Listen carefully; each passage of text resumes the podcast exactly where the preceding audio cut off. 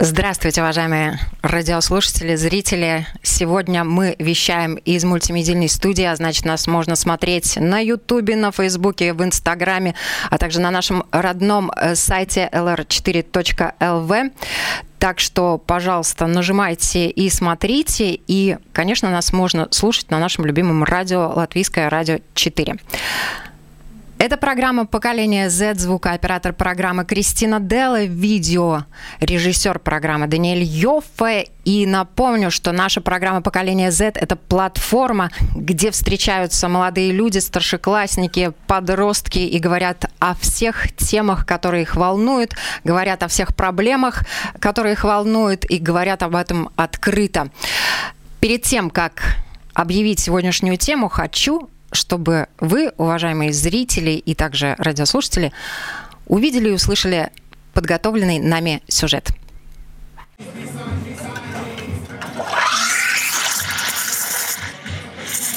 Документ.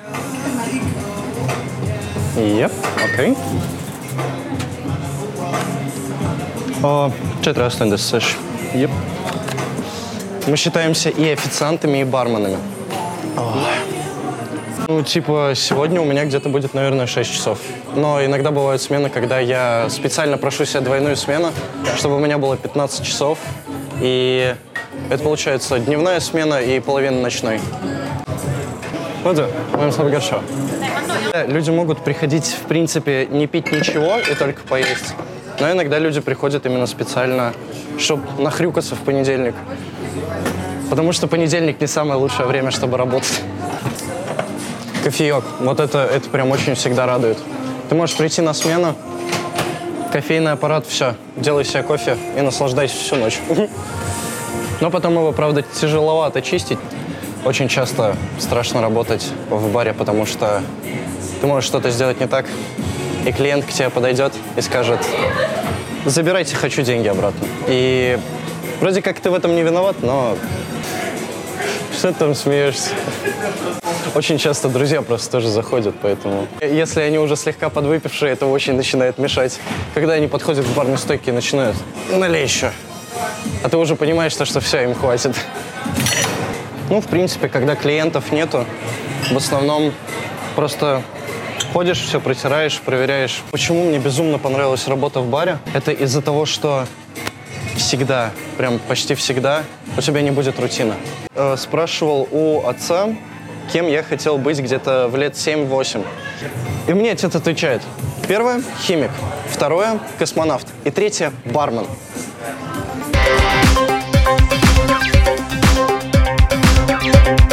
Поколение Z.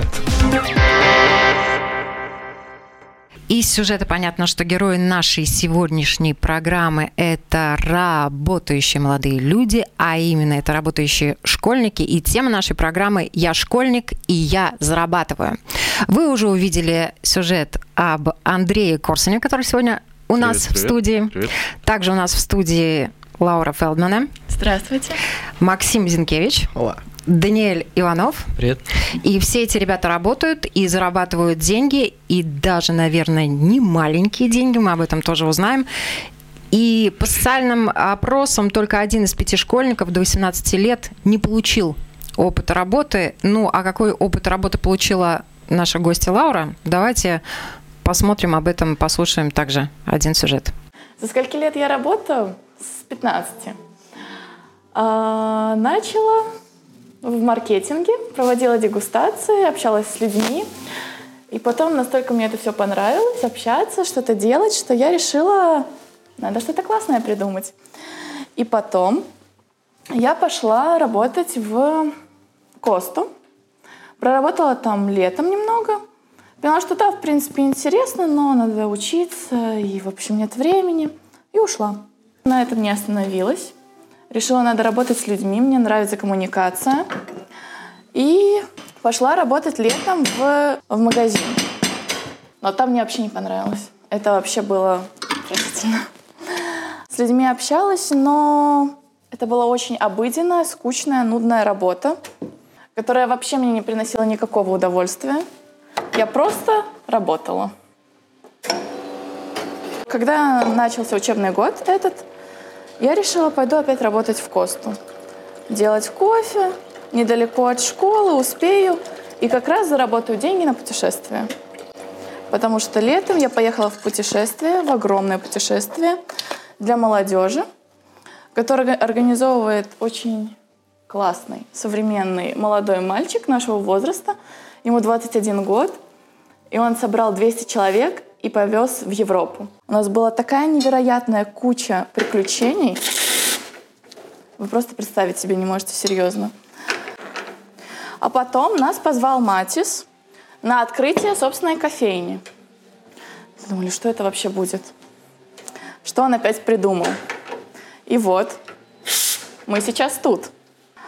Э, недавно совсем открылись, и параллельно с работой в Кости я помогаю ему тут. Он открыл это кафе вместе с одной девочкой, которая побывала в его путешествии. Tas, ka visvairāk Путешествие, в котором я побывала летом, так повлияло на меня. За 18 дней я раздвинула свои границы. Одно из моих хобби – фотография. После поездки я приехала к организатору нашего тура, Матису, в Юрмалу, сделать пару снимков для социальных сетей. И там я начала помогать ему в его кафе. В Юрмале у него кафе-мороженое, которое работает только в сезон, в летние месяцы. И я спросила, почему ты ничего подобного не делаешь зимой? И он сказал, все все, давай, делаем, я тебя поддержу, я буду с тобой. И теперь мы находимся на улице Вагнера, и здесь все это случилось. Я никогда не могла подумать, что в мои 17 лет жизнь так внезапно изменится. После поездки я лучше понимаю, чем я хочу заниматься. Я училась в третьей гимназии и теперь перешла на дистанционное обучение, и все время посвящаю этому. Конечно, надо учиться. Я дистанционно учусь только месяц. Очень нужна дисциплина. Надо себя мотивировать. Но образование очень важно. Конечно, я планирую получить и высшее образование. Но это место действительно сказочное. У меня теперь есть место, где можно вложить себя всю, развивать и еще другим помогать. Это действительно круто. Наша цель – помогать детям, которые травмированы или из неблагополучных семей. Также организовывать суповые кухни и доставлять еду бездомным. 25% будут отданы детям, чтобы они могли участвовать в будущих путешествиях. Это существенно будет менять их жизнь. А 65% пойдет на суповые кухни. Также параллельно в этом благотворительном кафе есть помещение для мероприятий, где в рождественские праздники будем проводить различные мастер-классы по изготовлению рождественских венков. Будем печь пипаркукас, устраивать вечера рассказов, киновечера. Вот к этому мы стремимся. Вот это вот все, это дело рук этих двоих людей, которые просто невероятный труд вложили. И ты просто смотришь и удивляешься на то, как вообще это все создавалось. А самое главное, что это кафе открыли люди, которым столько же лет, сколько и нам. Они подростки, и они только начинают свою карьеру.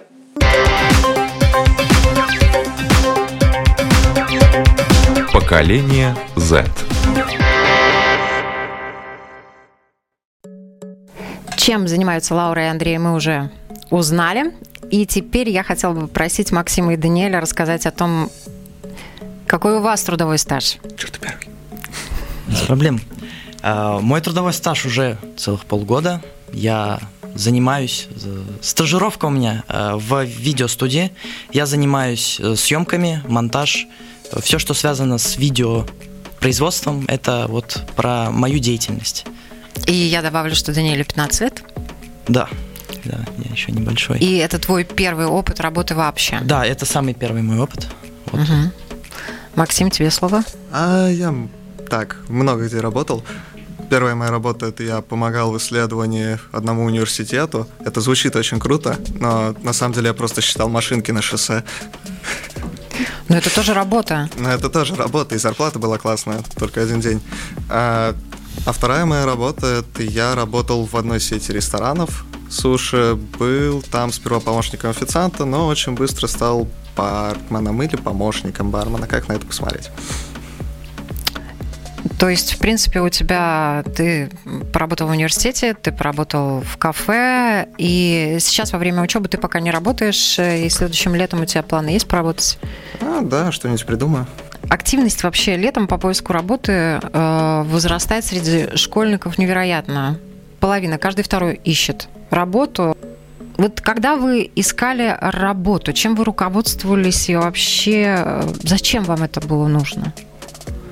Я могу начать. Э, чем я руководствовалась, чтобы мне было удобно совмещать со школой, чтобы это было недалеко.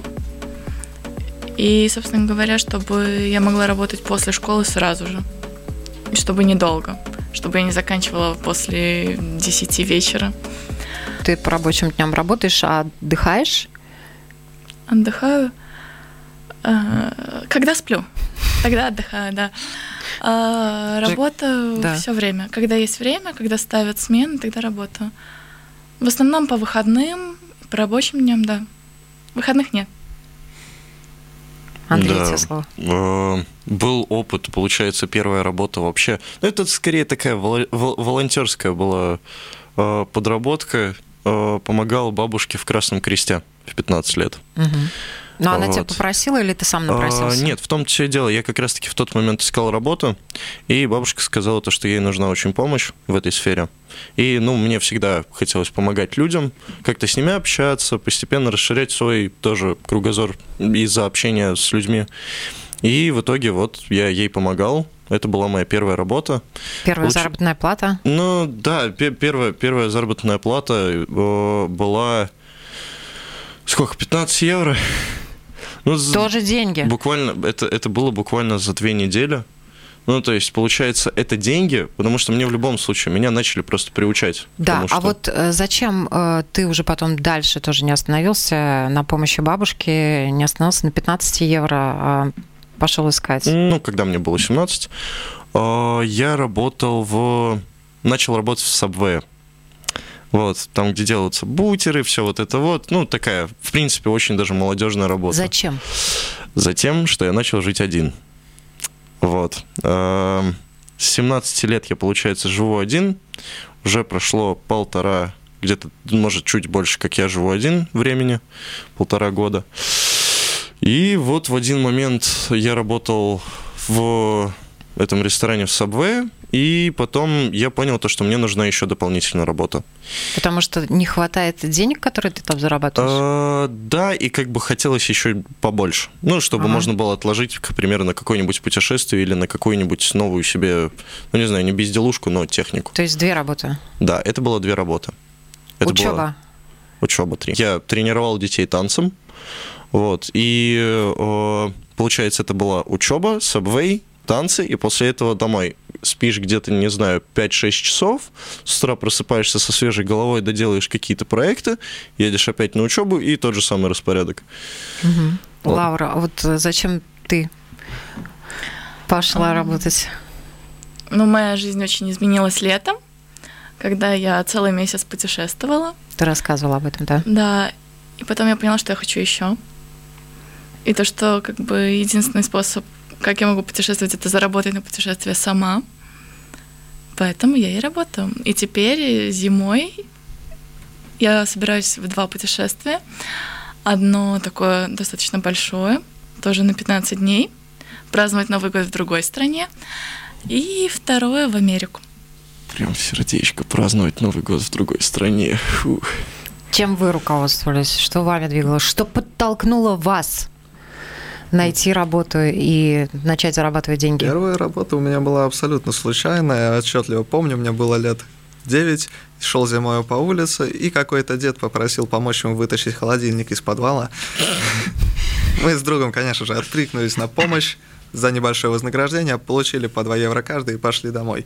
Тогда не было особого смысла.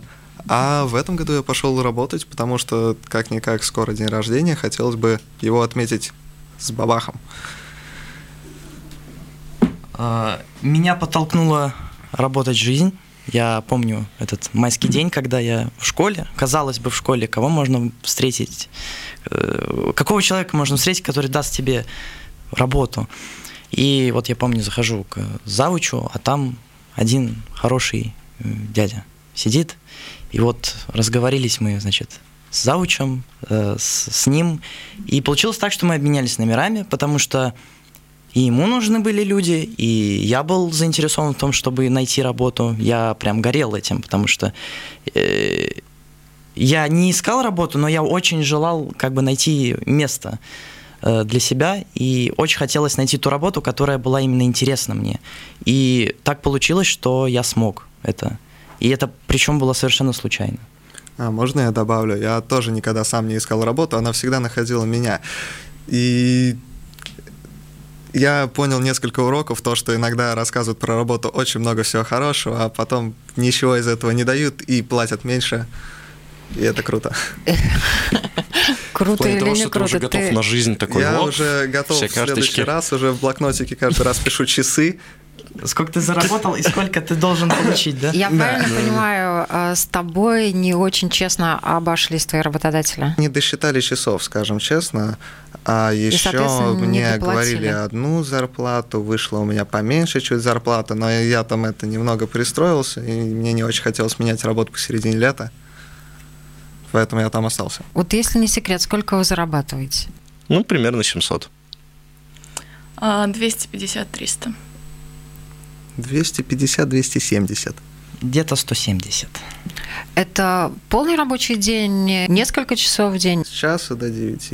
с часу до 9, с часу дня до Да. 9, считаем 3 плюс Да. 5, 8 Восемь часов в часов. день. Сколько часов в неделю? Выходило иногда так, что по 5, иногда один раз было 6 дней в неделю, но меня там запихнули, потому что друг отказался, я за То него взял есть часы. 6 на 8 – 48. 5 на 8 – 40. Тебе 17 лет. Да. Максиму 17 лет. Очень хорошо. Идем дальше. Вот Тебе хочется загребут. узнать э, вообще самая маленькая зарплата, за которую вы согласились бы работать. Ну, честно скажу, вот когда я работал в Subway, получается, там была не особо большая зарплата, но я был готов за нее работать, потому что там уже работали мои знакомые, которые как раз-таки меня устроили почти что по блату. И коллектив был хороший, и ребята были хорошие. А, Зарплата была небольшая, но меня держал в основном коллектив. Небольшая это сколько? 270 евро. 270 евро. Максим, ты тоже работал, получается, за 270-280 евро. Э, 280 мне не было, у меня было Ты- 274 максимум. 274 евро, 4 недели в месяц, 40 часов. Лаура? Бесплатно. А, та кофейня, в которой меня снимали, Но это другое дело. Тут Да. ты доброволец, тут ты волонтер. То есть ты, в принципе, в некоторых ситуациях готов вкладываться бесплатно. да, это работа для души. Соглашусь с Лаурой. Э, Сначала я тоже э, горел именно вот этим этой концепцией, что можно что-то снять и с людьми, с которыми, с компетентными людьми, с, э, со всем, чем можно и нужно. И поначалу, да, бесплатно, но все же я думаю, когда я немножко повышу свои умения, улучшу, то, ну, наверное, 300 евро. Не знаю, может, это слишком нагло, но я могу много что делать. Я хотела бы вам кое-что зачитать. Молодым людям от 15 до 18 лет можно работать не более 7 часов в день и не более 35 часов в неделю. Их нельзя трудоустраивать на работу с повышенным риском для жизни, здоровья, нравственности и развития. Школьники должны быть застрахованы от несчастных случаев на рабочем месте.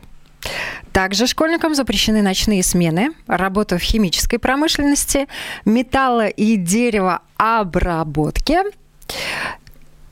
Подростки не имеют права работать с алкогольными напитками и табачными изделиями, работать в кафе официантом и подносить алкогольные напитки и табачные изделия.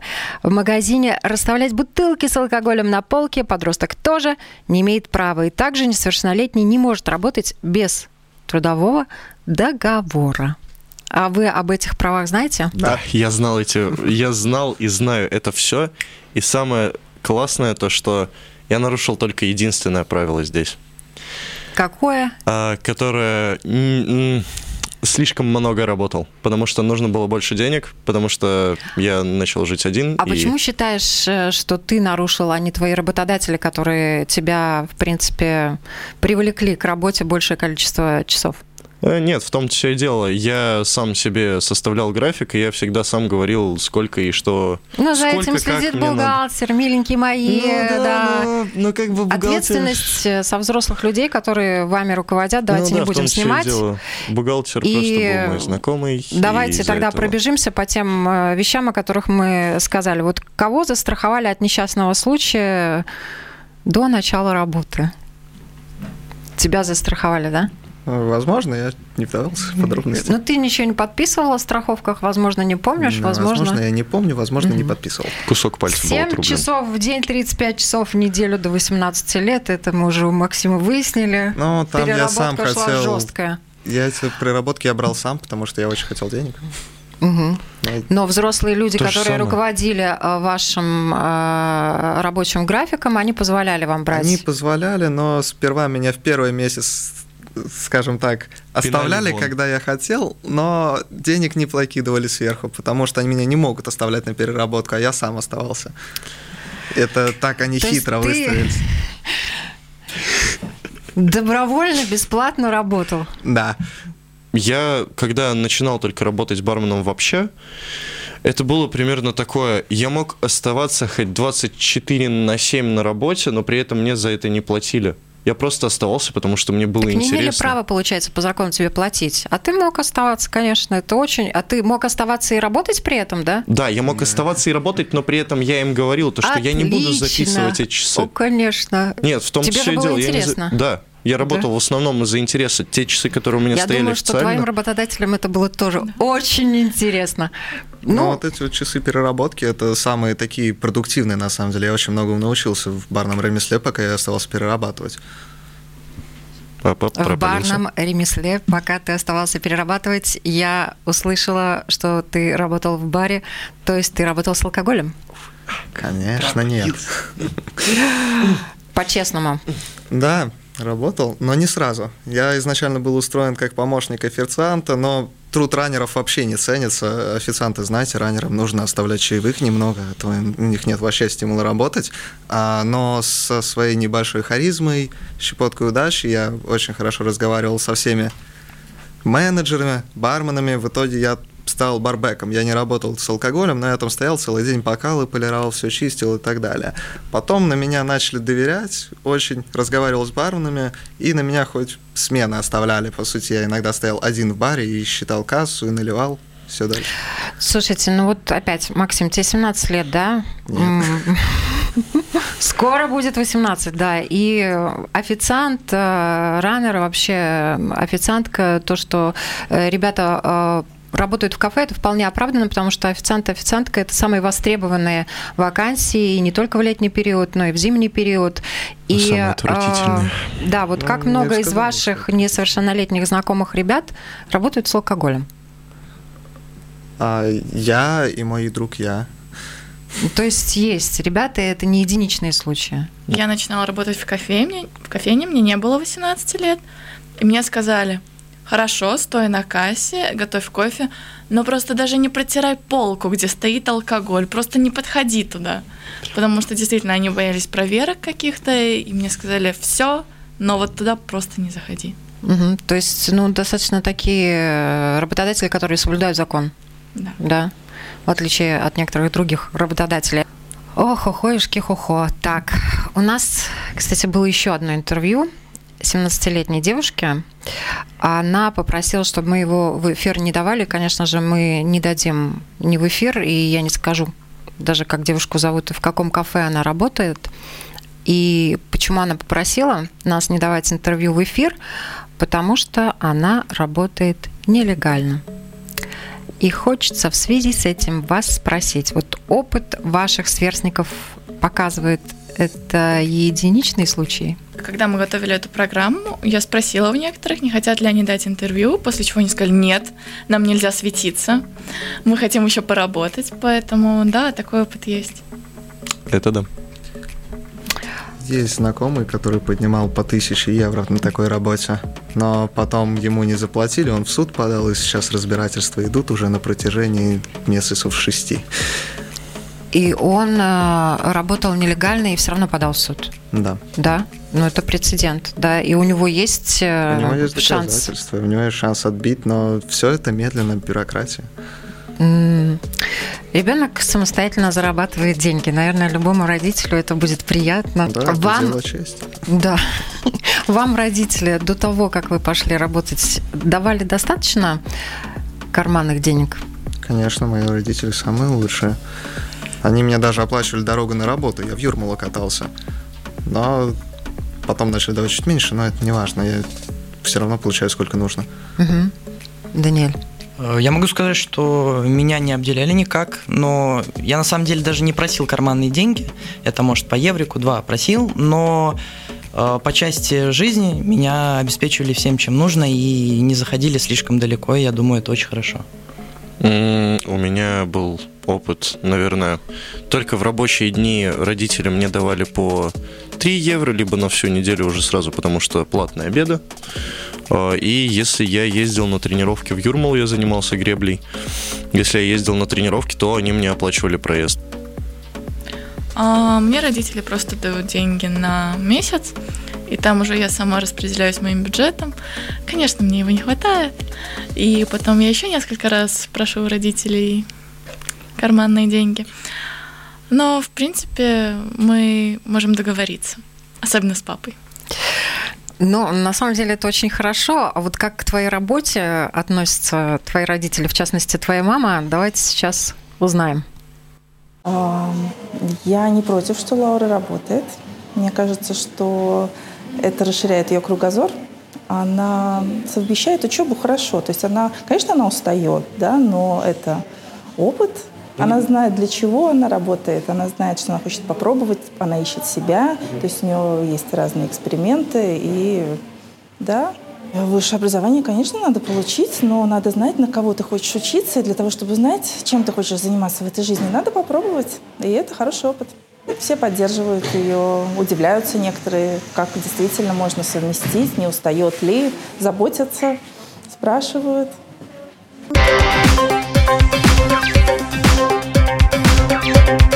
Поколение Z. Уважаемые наши зрители, радиослушатели, я напоминаю, это программа «Поколение Z». Мы работаем в мультимедийной студии. Вы можете нас видеть на Фейсбуке, в Ютубе, в Инстаграме, а также на нашем сайте lr4.lv. И сегодня мы с нашей замечательной молодежью говорим, как они зарабатывают деньги, на что они их тратят. Вот сейчас мы узнаем. Вот зачем вам деньги, на что вы их тратите?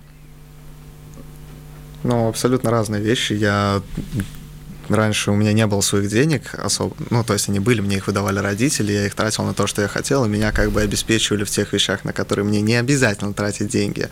А потом, когда я начал сам зарабатывать деньги, я уже начал и на эти вещи сам раскидывать, ну, как можно больше независимости получал от этого.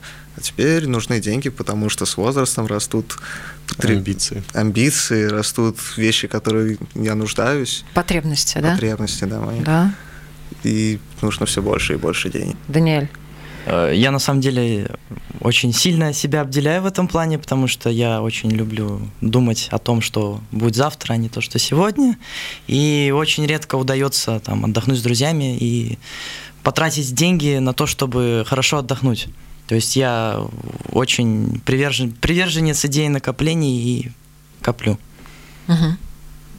Но на что-то большое у тебя есть какие-то идеи? Да, да, да. Ну, это, конечно, образование, это такой именно подушка безопасности, чтобы вдруг, если что-то пойдет не по плану, можно будет обратиться к этим деньгам. Ну и, конечно же, техника, которая стоит очень дорого. Угу. Деньги мне в основном нужны. Я оплачиваю свою квартиру, оплачиваю себе пропитание. Э, иногда, не знаю, если захотелось где-нибудь отдохнуть, что-нибудь сделать, э, тоже на это уходят деньги. И я очень спонтанный человек.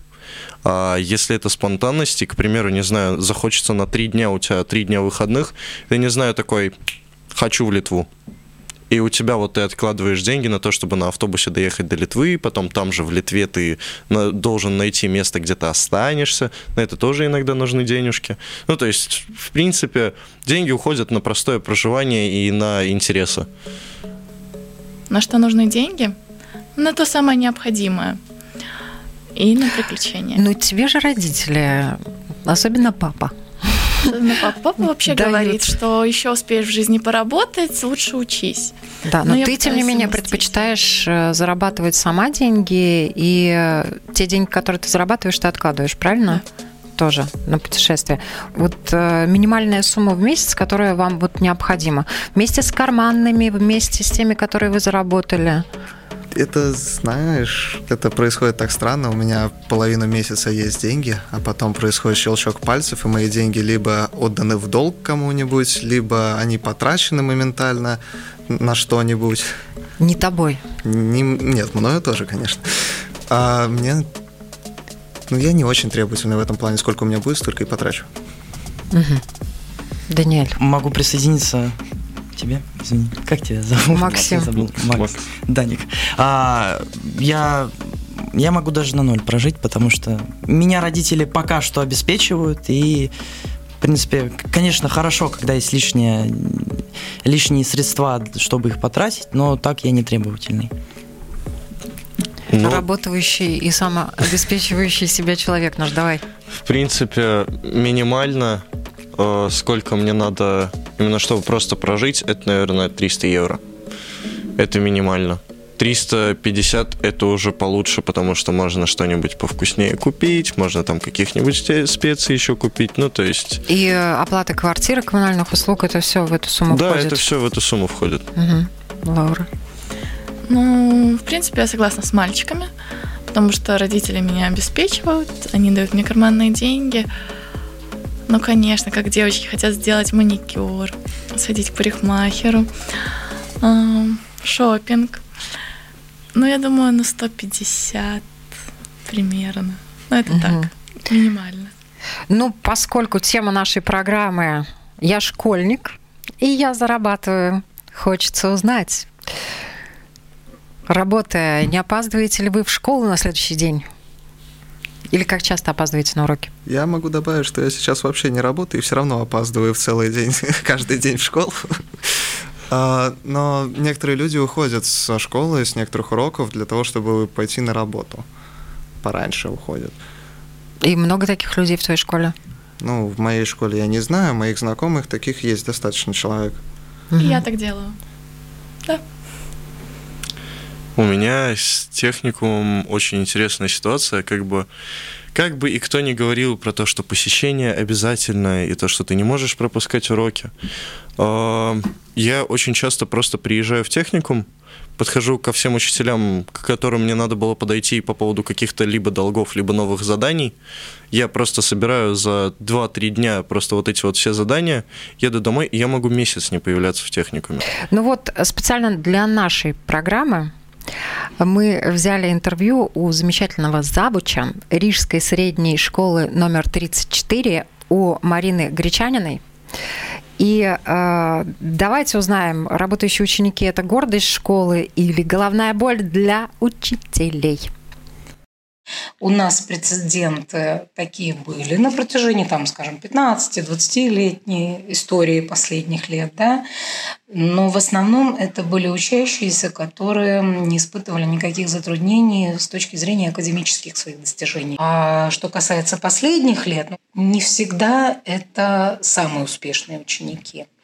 И мотивы их э, рабочей деятельности ну, как я уже назвала, не всегда, что это нужно действительно обеспечить семью как-то, а себя как-то проявить именно уже в сфере, в трудоустройстве. Самые разнообразные области, насколько я вот слышу от, детей, они скрывают до определенного периода, и только тогда, когда начинается проблема с пропусками уроков, вот тогда это обнажается. Да? Некоторые успевают э, по учебным предметам все благополучно, потому что их рабочая деятельность либо выходные дни, никак это не отражается на учебном процессе, либо после учебное время. Они, наверное, уже зарплатами могут конкурировать с преподавателями, могут помогать в школе материально. А вы знаете, э, действительно, кулуарно такие разговоры звучат. Со стороны некоторых детей, что я вот тут э, настолько хорошо зарабатываю, как не каждый учитель заработает. Это правда. Допустим, какие-нибудь айтишники и программисты. Это вот есть какая-то у них общая черта? Да, наверное, они хотят э, побыстрее занять нишу на вот этом взрослом поприще да, работника. Вот мне так иногда кажется. А, не всегда а, относясь к этому ответственно, на самом деле. Вот те единичные даже случаи, о которых я говорю, потому что если ты уже в сфере, скажем, рабочей деятельности какой-то, то, наверное, и в учебном процессе ты будешь такой же ответственный.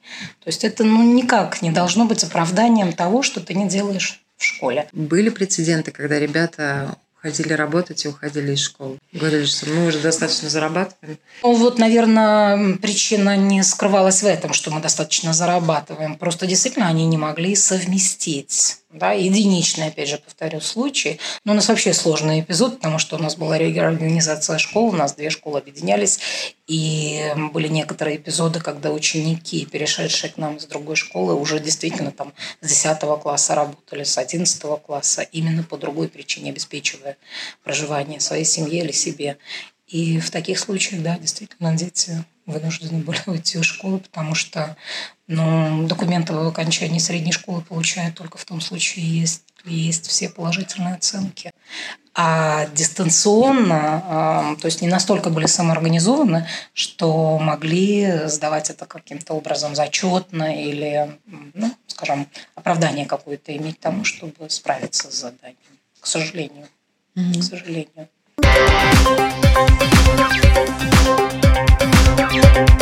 Поколение Z. Вот э, один из интересных моментов этого интервью, то, что многие ребята скрывают, что они работают, скрывают от учителей. Среди ваших знакомых есть такие, которые по каким-то причинам не говорят, почему это может происходить? Ну, я не знаю, мне кажется, зачем говорить учителю такую информацию? Меня не спрашивают, я не говорю. Да, есть учителя не интересуются просто. Ну, как бы смотря в каком, видимо, учебном заведении ты учишься. Потому что что я учился в колледже на архитектора, что я сейчас учусь на дизайнера-сценографа, я всегда объясняю, почему, что и как, как бы, чтобы учителя, если они захотят войти в мое положение, они войдут в мое положение. Если нет, то тогда это уже компромисс. Лаура, а ты сказала, что тебе иногда приходится уходить с уроков из-за работы, да? Ты ставишь учителей в известность по поводу того, по какой причине ты уходишь? Ну, я не часто ухожу. Обычно я ухожу со спорта, потому что у нас там пара, и как бы я просто прихожу, сдаю зачет и ухожу. Но обычно я говорю, что там врач, семейные дела, забрать сестру из садика, но нет, о работе не говорю. Угу. не знаю, пару раз использовал работу как отмазку, чтобы просто уйти, когда не шел на работу. Меня там учителя входили в мое положение, даже энок не ставили. Это было очень приятно. Угу. Только не рассказывай.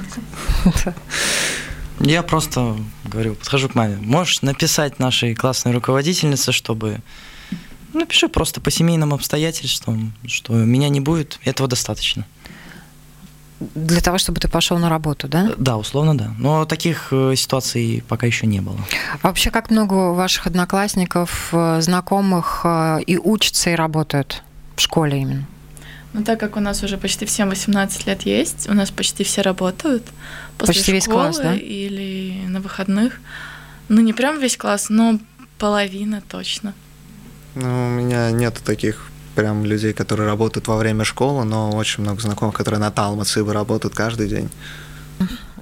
Знаете ли вы ребят, э, которые не просто перешли на дистанционное обучение, а которые ушли из школы по каким-то причинам для того, чтобы зарабатывать деньги? Лучший друг э, ушел из школы из-за того, что э, его, у его матери были большие проблемы с, со спиной, и мать не могла встать с кровати, и отца у них, ну, как бы отца у него нету.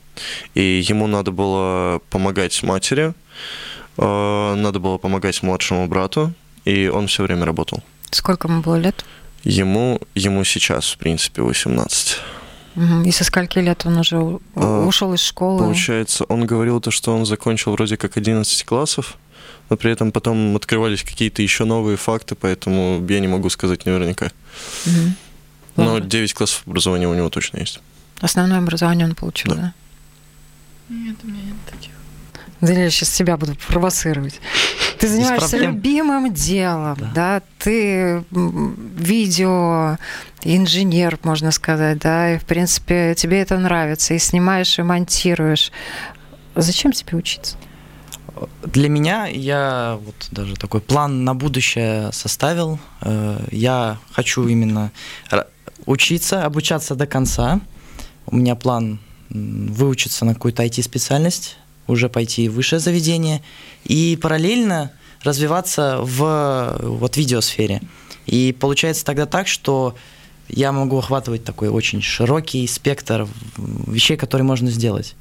Вот, и я mm. вот Таник, так занимаюсь. Если ты хочешь в IT-сферу, это на самом деле и меня волнует очень сильно, потому что я сам продолжаю учиться, хотя знаю, что в IT-сферу есть очень много разных путей. Можно пойти в буткемп, там тебя и обучат, и если ты там себя проявишь как-нибудь, тебе дадут контракт, стажировку потом дадут и да. всевозможные блага. Для этого, по сути, даже не нужно образование. Ну, может быть, если образование начинает э, настолько обесцениваться, зачем учиться? Может быть, достаточно ну, пойти работать и развиваться в том направлении, в котором ты хочешь развиваться? Вообще, я опять сказал, много путей вступления в программисты. Можно получить образование, можно получить хороший балл на экзамене по математике, можно закончить бакалаврскую работу, и тогда ты можешь пойти сразу на программиста. А путь, который я предложил, он тернистый, потому что какое-то время придется работать тестировщиком, это как мини-программист, он убирает код за большими людьми, и часто там зарплаты по программистским меркам не очень большие, Иногда стажировка неоплачиваемая идет какое-то время. Лаура, хочется тебя спросить, вот э, ценность образования и диплом, что это означает для тебя? Э, но сейчас это главное, потому что это 12 класс, и потом надо поступать в университет. И как только я пойму то, что работа мне мешает учиться, я уже приняла такое решение, что я, скорее всего, уйду, потому что оценки, экзамены, хоть как бы это банально не звучало, но сейчас это в приоритете. Потому что в университете будут смотреть, как ты сдал, какие у тебя оценки и какой у тебя средний балл. А вы готовы от работы отказаться тоже в случае, если необходимы будут оценки? Диплом может выйти на первый план? Моя жизнь настолько гибкая, что я в любой момент могу бросить все и начать делать что-то другое. И меня поддержат в любом моем решении. Просто зависит от желания. Если появится желание получить какой-то диплом, без проблем. Ну, как у меня показывает опыт, я вот сейчас совершенно спокойно совмещаю учебу и работу. И даже получается так, что у меня есть несколько часов, чтобы я мог просто полежать и ничего не делать. Так что это, это можно совмещать вот без проблем, мне кажется. А что вы думаете о своих сверстниках, которые не работают? Счастливчики. Почему? Потому что приходят домой, делают уроки и отдыхают. Ну, не Простая, знаю. легкая жизнь. Да, не, не нужно жизнь. ни о чем Я бы не думать. назвал их простой какой-то жизнью, потому что люди, которые тратят очень много свободного времени на учебу, они, я бы сказал, что устают, возможно, даже больше, чем и мы. Я сравнивал недавно время среднее ухода на домашнюю работу, которые уходят. Некоторые люди по 5 часов сидят за домашней работой. В завершении нашей программы, наверное, хочется вас спросить, вот, а какие планы на жизнь дальше? Только бармен или там в том до, до, до конца своих дней. В том-то все и дело. Я, честно скажу, никогда не люблю загадывать. Не люблю загадки и не люблю сам загадывать. Потому что я живу сегодняшним, завтрашним, возможно, послезавтрашним днем. И как бы все, что будет дальше, я это, я очень люблю практиковать Но все сразу. ты говоришь, не загадываешь, тем не менее ты пошел и дополнительно еще учишься совершенно по другой специальности. Потому что я художник всю жизнь был. Мне очень всегда нравилось рисовать, и как бы мало ли этот опыт... А для чего тебе это? А вот в том все дело. Мало, мало ли понадобится. Мало ли. Как бы, знаете, предупрежден, значит вооружен как бы если ты предупрежден уже о том, что вот так вот этот угол и вот этот вот угол в комнате лучше не соединять, для дизайнера это важно. А в профессии бармена тебе помогает это еще? В профессии бармена мне очень помогло именно то, что я на актера чуть побольше учился. И там это просто красноречие, и тебе чай так аккуратненько 5 евро, и ты, и ты доволен сам собой. Какие планы на жизнь? Моя жизнь склонна менять свои планы постоянно. С детства мне, я помню, говорил родителям, вот, я буду работать техником. Потом я вроде тоже хотел быть барменом. А сейчас хотел в IT податься. Это все очень переменчиво для меня. И я понял единственное за работу в баре, что нужно следить за работодателями. Нужно контролировать работодателей. Контролировать. К ногтю работодателей. Да. Даниэль. Очень импонирует, очень нравится. Я вижу, что куда можно идти, и я думаю, что я буду очень долго интересоваться тем, что я тем, чем я интересуюсь сейчас. Ну, пока все непредсказуемо, и я ищу себя, ищу, чем действительно я хочу заниматься в будущем, что будет приносить мне удовольствие. Поэтому посмотрим, куда меня приведет эта жизнь. Сегодня мы говорили про то, как школьники зарабатывают на жизнь. Это было не про деньги, не про школу, а про то, что взрослые люди хотят вести взрослую жизнь. И то, какой ценой это дается ребятам, которые еще учатся. Спасибо всем, что были с нами. Напоминаю, на сегодня в студии Лаура Фелдмана, Андрей Корсунь, Максим Зинкевич, Даниэль Иванов. И, конечно, спасибо большое техническому персоналу. Напоминаю, мы работаем из мультимедийной студии, поэтому нас можно теперь видеть на Фейсбуке, в Инстаграме, на Ютубе. Конечно, на нашем сайте LR4. Также и до новых встреч!